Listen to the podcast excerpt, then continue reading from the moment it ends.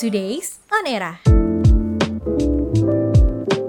Halo Eramania, selamat datang kembali di Today's On Era bersama gue Alma Eramania, lo orangnya gampang lupa nggak nih? Kalau misalnya iya gue ada solusi nih buat lo Eramania Kalau pakai ini dijamin deh lo nggak bakalan lupa lagi jadi ada microchip yang berisikan sertifikat vaksin Eramania. Cocok banget nih buat lo yang mungkin suka lupa untuk buka atau upgrade aplikasi Peduli Lindungi. Kok bisa era mania? Tapi keep in mind ya era mania, kalau misalnya chip ini dimasukkan bukan dari vaksin ya, jadi prosesnya itu terlepas dari proses vaksin. Nah, gimana sih cara kerjanya? Jadi microchip ini dimasukkan ke badan kita lewat jari telunjuk atau jempol era mania. Udah gitu, microchip ini bisa baca sertifikat vaksin lo lewat HP yang punya NFC. Gila, canggih banget gak tuh? Jadi Ramania, teknologi ini dicetuskan oleh salah satu perusahaan startup di Swedia. Nah, Ramania, microchip ini kalau misalnya masuk ke Indonesia akan dibanderol seharga 1,6 juta rupiah.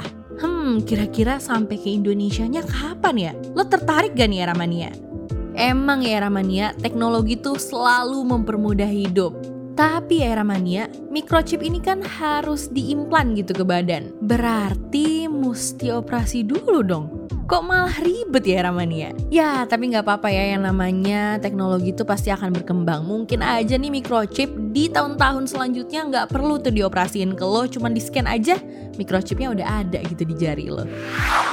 Nah, kalau misalnya tadi berita tentang microchip vaksin nih, sekarang ada berita lagi yang masih identik sama vaksin, yaitu adalah virusnya Omicron. Kalau misalnya dengar kata Omicron ya, Omicron ini adalah varian terbaru dari COVID-19. Dan sekarang nih Ramania lagi mengganas banget di dunia. Gak terkecuali Indonesia juga. Awalnya sih Omicron ini jumlahnya yang terinfeksi bisa dikendalikan. Tapi tiba-tiba per 27 Desember 2021 ya Ramania, jumlahnya membludak menjadi 62 orang. For your information nih Ramania, mulai dari 23 Maret sampai 27 Desember 2021, Jumlah pasien COVID-19 terdaftar total 130.048 orang atau bertambah 71 orang. Sementara untuk jumlah pasien sembuh dan keluar dari RSDC Wisma Atlet totalnya berjumlah 129.560 orang atau bertambah 12 pasien sembuh era mania.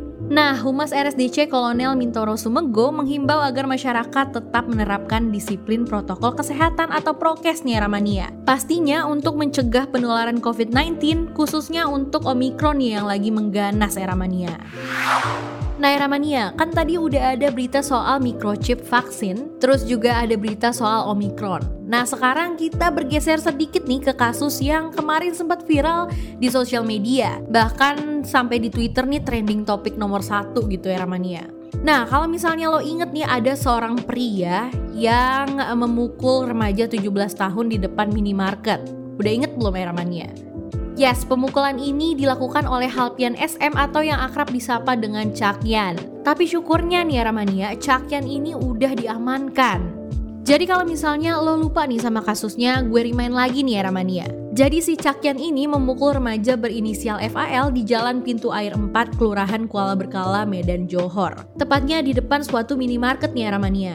Karena aksi arogannya ini, Cakyan melanggar pasal tentang perlindungan anak dengan hukuman paling singkat 3 tahun 6 bulan penjara dan juga denda sebesar 72 juta rupiah ya Ramania. Nah ternyata Cakyan ini merupakan kader organisasi saya PDIP Cakra Buana. Dan hal ini udah ditegaskan ya Ramania oleh Ketua DPD PDIP Sumatera Utara, Rapidin Simbolon. Nah, karena adanya kasus ini, karir politiknya Cakyan nih hampir pasti tamat ya Ramania. Karena perbuatannya Cakyan ini bukan hanya memalukan dirinya sendiri, tapi juga memalukan satu institusi PDIP Sumatera Utara. Akhirnya Bapak Rapidin selaku ketua dari PDIP Sumatera Utara meminta maaf nih kepada keluarga korban dan juga kepada masyarakat umum. Siapa yang bikin masalah, siapa yang minta maaf ya Ramania? Nah, ternyata ada fakta unik nih soal Cakyan Eramania. Sebelum dia melakukan pemukulan, dia memamerkan foto dirinya bersama kedua rekannya di media sosial pribadinya Eramania. Foto tersebut memakai bingkai bertuliskan slogan PDIP. Nah, slogannya itu bertuliskan menangis dan tertawa bersama rakyat. Hmm, kok kelakuannya nggak sesuai ya sama slogan partainya? Ya udah deh, itu dia tadi berita-berita hari ini ya Ramania. Mulai dari microchip, vaksinasi yang katanya nih bakal hadir di Indonesia dan juga ada Omikron yang makin sini makin banyak nih kasusnya ya Ramania. Dan yang terakhir adalah aksi arogan dari Cakyan selaku kader organisasi saya PDIP Cakra Buana yang ternyata sempet-sempet nih update fotonya bersama juga dengan slogan PDIP nih ya Ramania. Nah sebelum gue tutup nih ya podcast kali ini Gue mau ngingetin lagi nih untuk lo yang mau tahu berita-berita terbaru Jangan lupa untuk follow seluruh media sosialnya Era, era.id That is all for today's on Era. Bye-bye Era Mania. Eranya podcast. Now is the era